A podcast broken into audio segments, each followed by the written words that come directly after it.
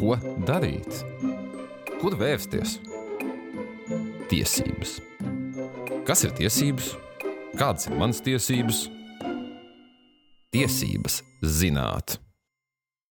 Laipni lūgti Delfi TV raidījumā Tiesības zināt. Esmu tā vadītājs Kārlis Arājs. Bērniem nav tikai tiesības, bet ir arī pienākumi. Šo frāzi kaut reiz dzīvē man šķiet ir teicis katrs vecāks. Taču kāda tieši ir šie pienākumi un kādas ir bērnu tiesības, tos varbūt arī nepildīt? Kā juridiski, un es uzsveru juridiski, pārliecināt savu bērnu, ka to grīdu tomēr vajadzētu izmazgāt? Par šiem un citiem jautājumiem šodien studijā sarunāšos ar Valsts bērnu tiesības, tiesību aizsardzības inspekcijas vadītājas vietnieci Valentīnu Gorbunovu. Sveiki! Sveicināti. Nu, es jau raidījuma ievadā minēju, ka bērniem ir ne tikai eh, tiesības, bet arī pienākumi. Tāpēc raidījumu gribēšu dalīt divās daļās. Un pirmajā mēs parunāsim tiešām par šiem pienākumiem, bet otrā atkal atgādināsim, kādas bērniem ir tiesības. Tad, attiecīgi, mans pirmais jautājums ir vienkārši. Eh, kas ir tie būtiskākie bērnu pienākumi un vai tos izdala arī pēc vecuma? Lai mēs varētu runāt par to, kādi ir bērnu ties, eh, tiesības, kādi ir bērnu pienākumi, mums ir jāsaprot, kas vispār ir bērns. Bērns ir persona, kas nav sasniegusi 18 gadu vecumu. Uh, bērnam katrā vecumā ir, um, ja ar bērnu veselību viss ir kārtībā, noteikts vecums, noteikts brienums, briedums, noteiktas spējas. Mēs nekad nevarēsim pateikt, ka tādi paši pienākumi, kādi ir bērnam 5 gadu vecumā, varbūt arī 17 gadu vecumā. Tātad bērna pienākumi pieaug proporcionāli viņa vecumam un briedumam. Mm.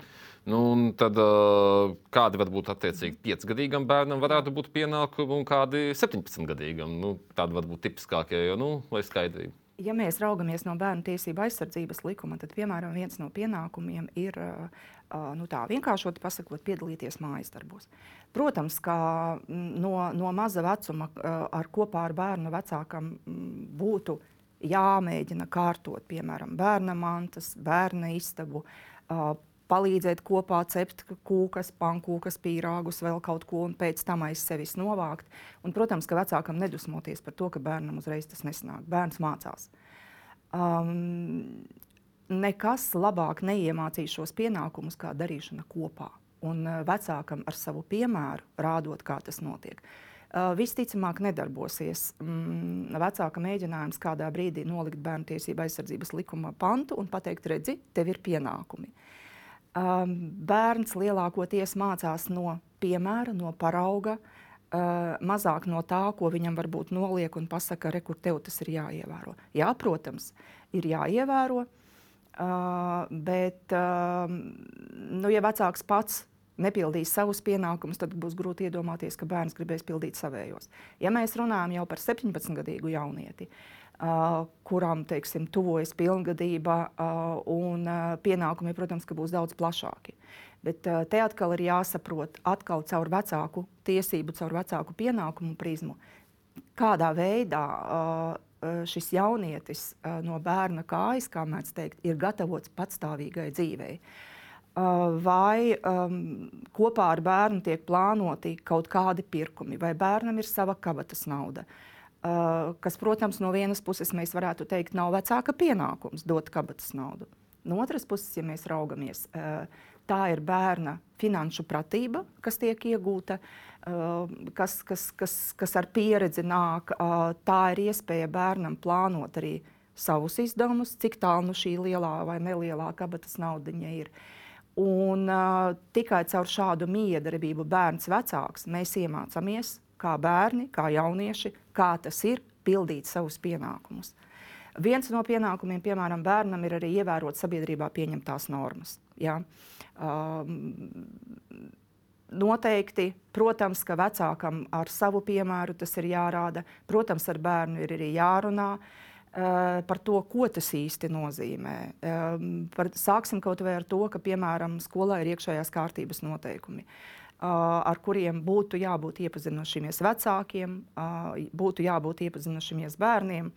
Ideālais variants, kad arī pedagogi ir pārunājuši ar bērniem, kādi tad ir skolas iekšējā kārtības noteikumi, ko mēs darām, kas nav pieļaujams. Uh, un, uh, nu, līdzīgas arī prasības, kādas tās ir skolā no pedagoga, līdzīgas prasības tās ir mājās attiecībā uz to, kas ir tā kārtība, ko mēs ievērojam mājās, kas ir tā kārtība, ko mēs ievērojam skolā.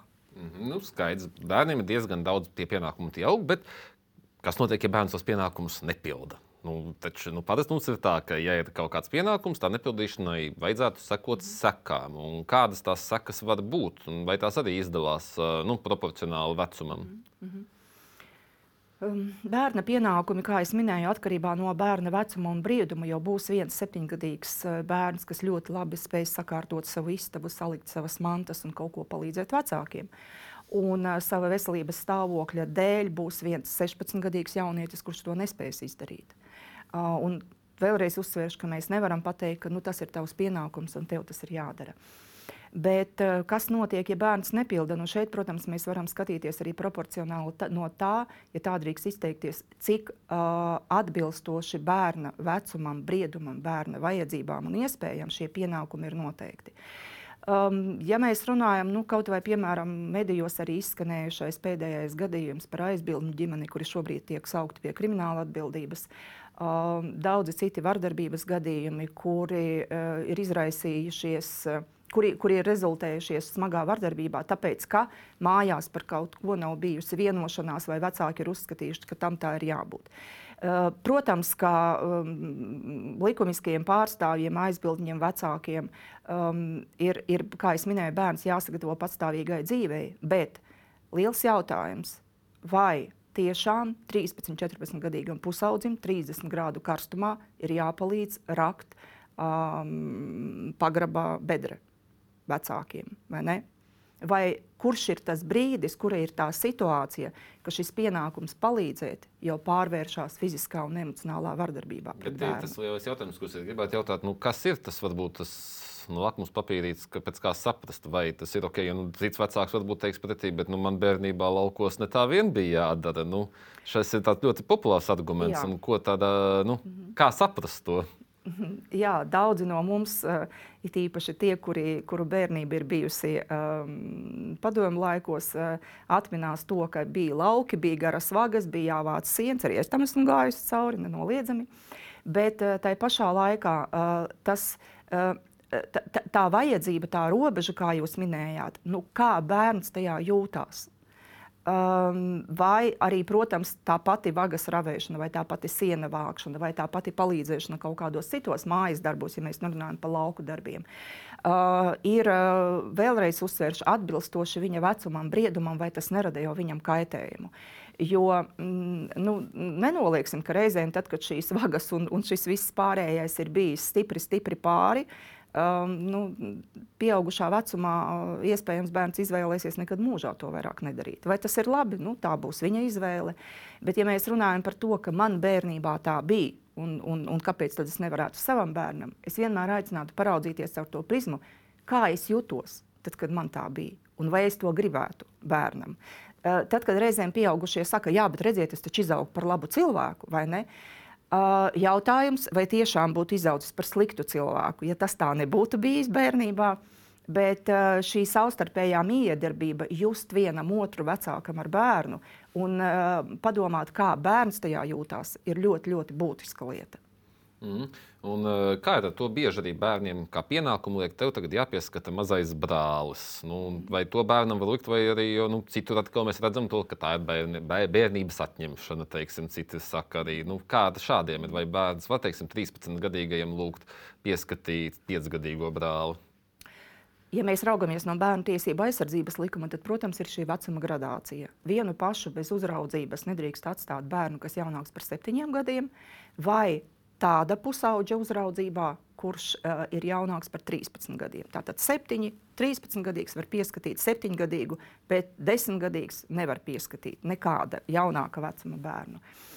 Um, uh, protams, ka arī tā pieskatīšana uh, ir savā ziņā arī palīdzība vecākiem, atbalsts vecākiem, brāļi, māsas savā starpā arī uh, bez vecāku klātbūtnes komunicē, un tas ir ļoti labi un atbalstāmi. Un, un, un, un svētīgi, bet šeit ir jāsaprot, kurā brīdī tas jau kļūst par uh, vecākā bērna pienākumu tik tālu, cik tālu, kā jūs minējāt, tiek atņemta bērnība.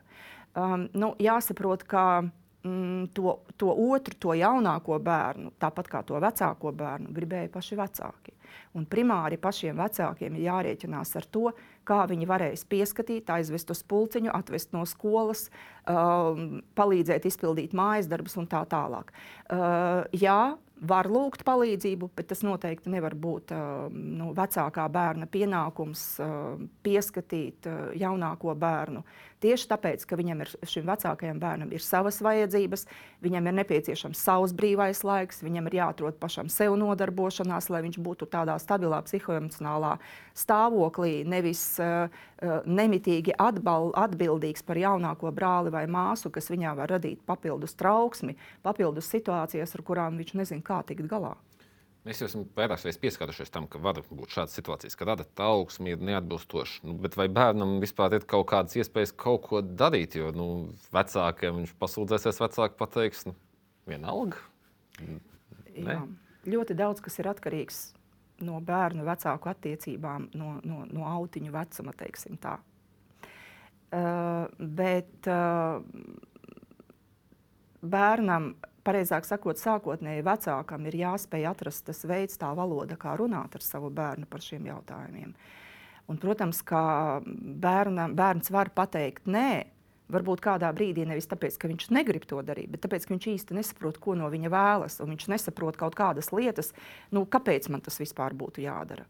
Un te ir tā bērna saruna ar vecāku un vecāka saruna ar bērnu. Protams, pie nosacījuma, ja šīs attiecības ir uh, appusēji uzticības pilnas, ja tās nav vardarbīgas, ja tās nav attiecības no, no varas pozīcijas, pēc principa es esmu vecāks, tu esi bērns un tev tā būs darīt.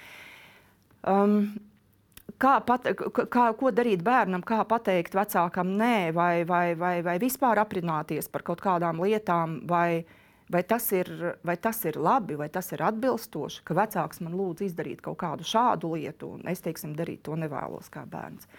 Protams, ka bērnam ir tiesības runāt ar jebkuru uh, uzticības personu, kuru viņš par tādu uzskata.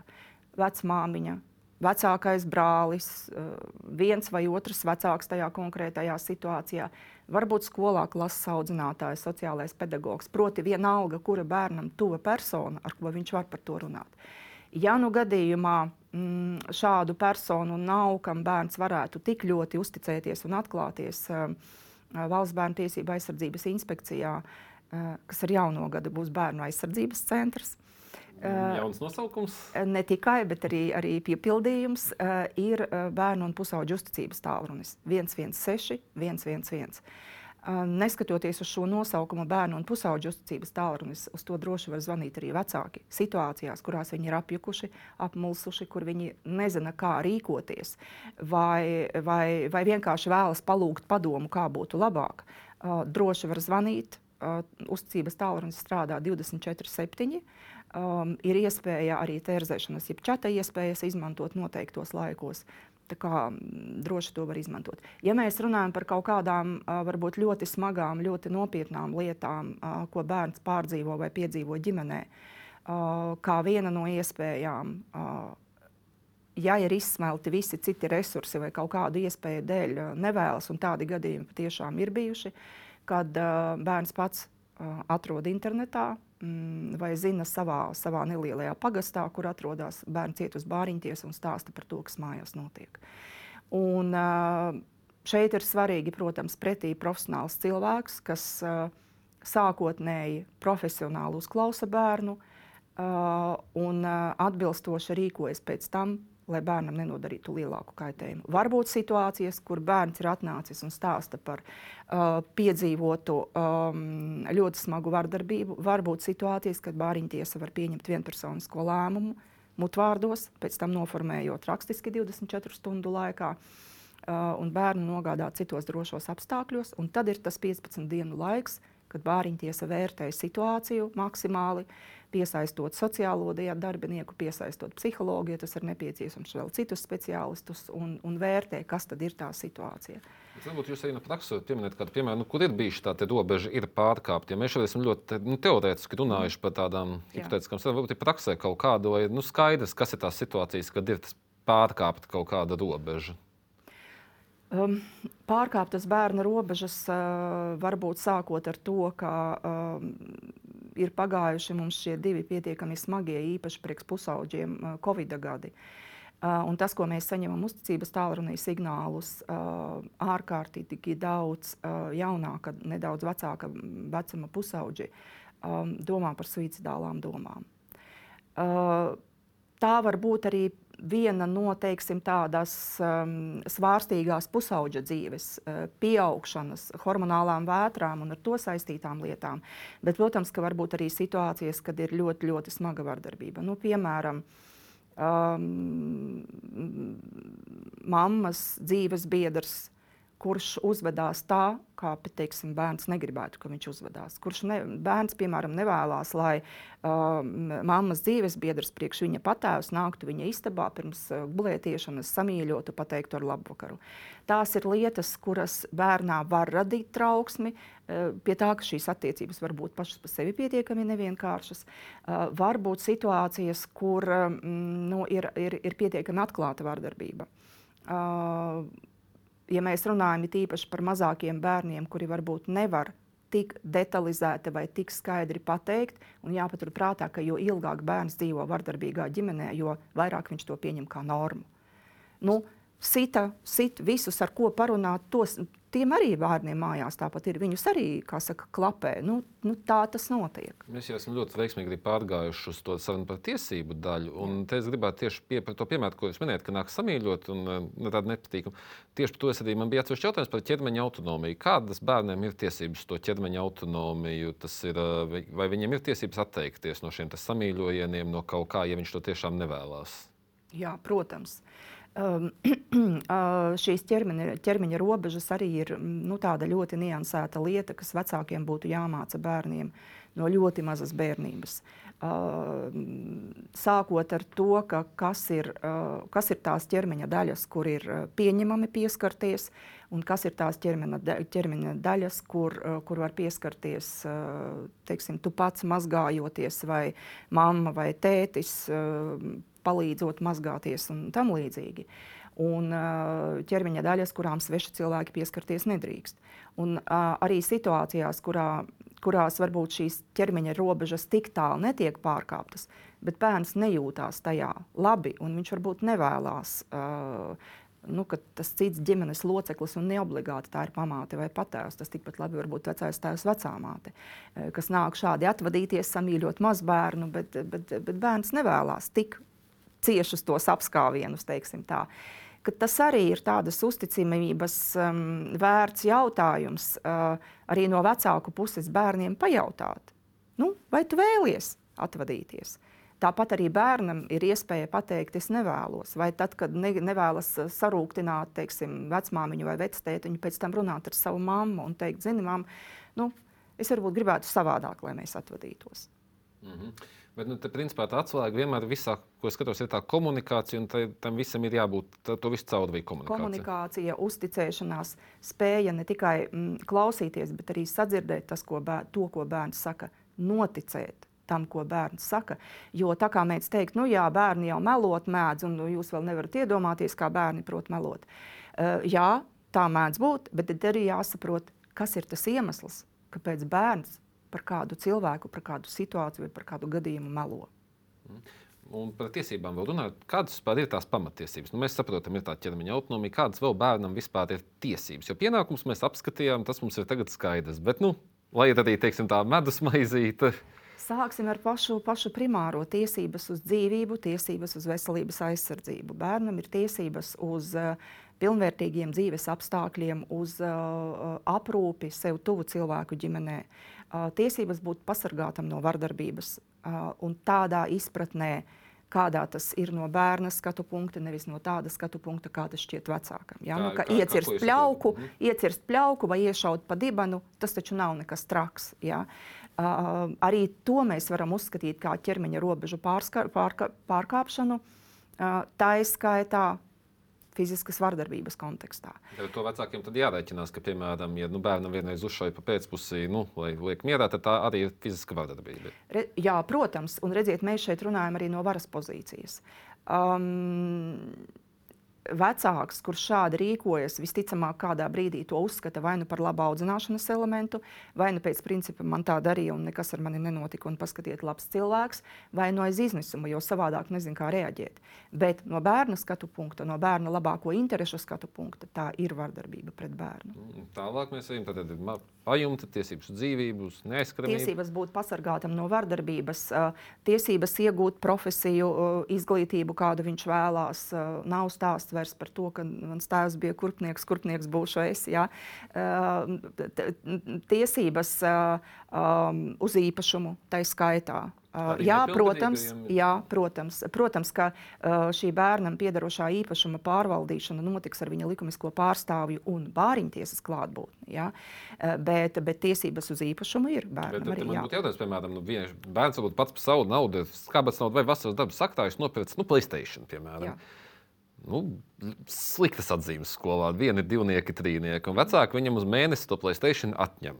Nu, tā drīkst darīt, jo tas ir kā bērnu īpašums. Mēs runājam par bērnam tiesības uz īpašumu, bet šī ir kā nevadarbīga audzināšana. e, varbūt gluži mēs šādā kontekstā par tiesībām uz īpašumu nerunāsim. Tieši tā, tā, arī tas jā. ir mantiskais, e, e, nu, tā ir manta, kas bērnam ir, um, un, un kam, protams, ir arī noteikta vērtība. Bet e, šeit mēs raugamies par to, ka um, caur, to prizmu, ka ir arī bērna atbildība ne tikai tiesības un pienākumi. Un, uh, situācijās, kurās um, arī likums pasaka, ka vecākam ir tiesības ierobežot bērna tiesības, ja tas ir nepieciešams viņa drošībai, sabiedrības drošībai vai nu, skar citu cilvēku intereses. Tas nav, tas nav tā, ka tas ir nu, bezgalīgas bērnu Bet šī tiesības. tiesība ierobežošana ir samērīga. Jābūt tas, laikam, ir protams, atslēgas tā ir samērīga, samērīgs ierobežojums. Eh, No prakses runājot, nevar būt situācija, protams, piemēram, par ko bērns runā. eh, Pusaudzis eh, ir ļoti gribējis telefonu. Ne nu gluži pēdējo iPhone, bet nu, telefons ir nopirkts. Un, šis telefons stāv kastītē skapī, jo bērns nekad nav bijis tik gana labs, lai šo telefonu viņam dotu lietošanā. Uh, nu šeit mēs varam runāt jau par tādu nesamērīgu uh, bērna ierobežošanu. Ja tā manta reiz ir nopirkta, nu cik labam vēl tam bērnam ir jābūt, tad ir jārunā, par ko mēs vienojamies. Kas, k, um, nezinu, par, vai, vai tu nezini, iztīri istabu, vai tur vēl, nu, kas ir tas, kas jāizdara bērnam? Ir Viņam ir jābūt skaidri jāsaprot. Nevis vienkārši es neesmu tik labs, tāpēc man to telefonu nedod nopirkt. to. Uh, Mēs tuvojamies raidījuma noslēgumam, un tad es vienmēr prasu tādu kā brīvā mikrofonu, dot zelta padomu, sauksim arī tā, kur es jums dodu pāris teikumus izteikties, vai kaut kas sarunā nav pateikts, vai arī kaut kas, kas tas būtiskākais, ko cilvēkiem no šīs sarunas vajadzētu paņemt līdzi un tā teikt atcerēties, ka, ja, ja visu negribās, tad šis ir tāds. Jā. Mēs runājam caur uh, bērnu tiesību aizsardzības likuma prizmu, bērnu tiesības, bērnu pienākumu, bērnu atbildību, caur administratīvo procesu, caur kriminālu procesu no 14 gadu vecumā. Bet uh, tas, kas būtu varbūt svarīgāks un uh, ietver sevī visu šo un caurvī, tās ir bērnu labākās intereses. Proti, ā, bērnu labākās intereses skar jebkuru situāciju, kurā mēs atrodamies, un tās ir primāras.